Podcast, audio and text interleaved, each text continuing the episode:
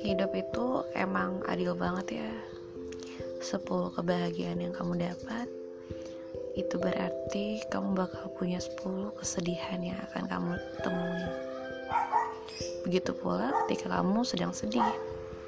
10 kesedihan yang kamu sedang alami akan dibalas oleh Tuhan dengan 10 kebahagiaan yang akan kamu dapatkan dulu aku ngerasa kenapa sih selalu mengeluh ketika mendapat kesedihan tapi sering lupa bersyukur ketika mendapat kebahagiaan. Tapi sekarang aku tahu bahwa hidup tidak selalu bahagia.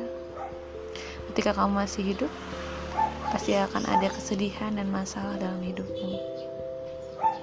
Tapi ketika sedang melakukan atau melaluinya susah banget sedih.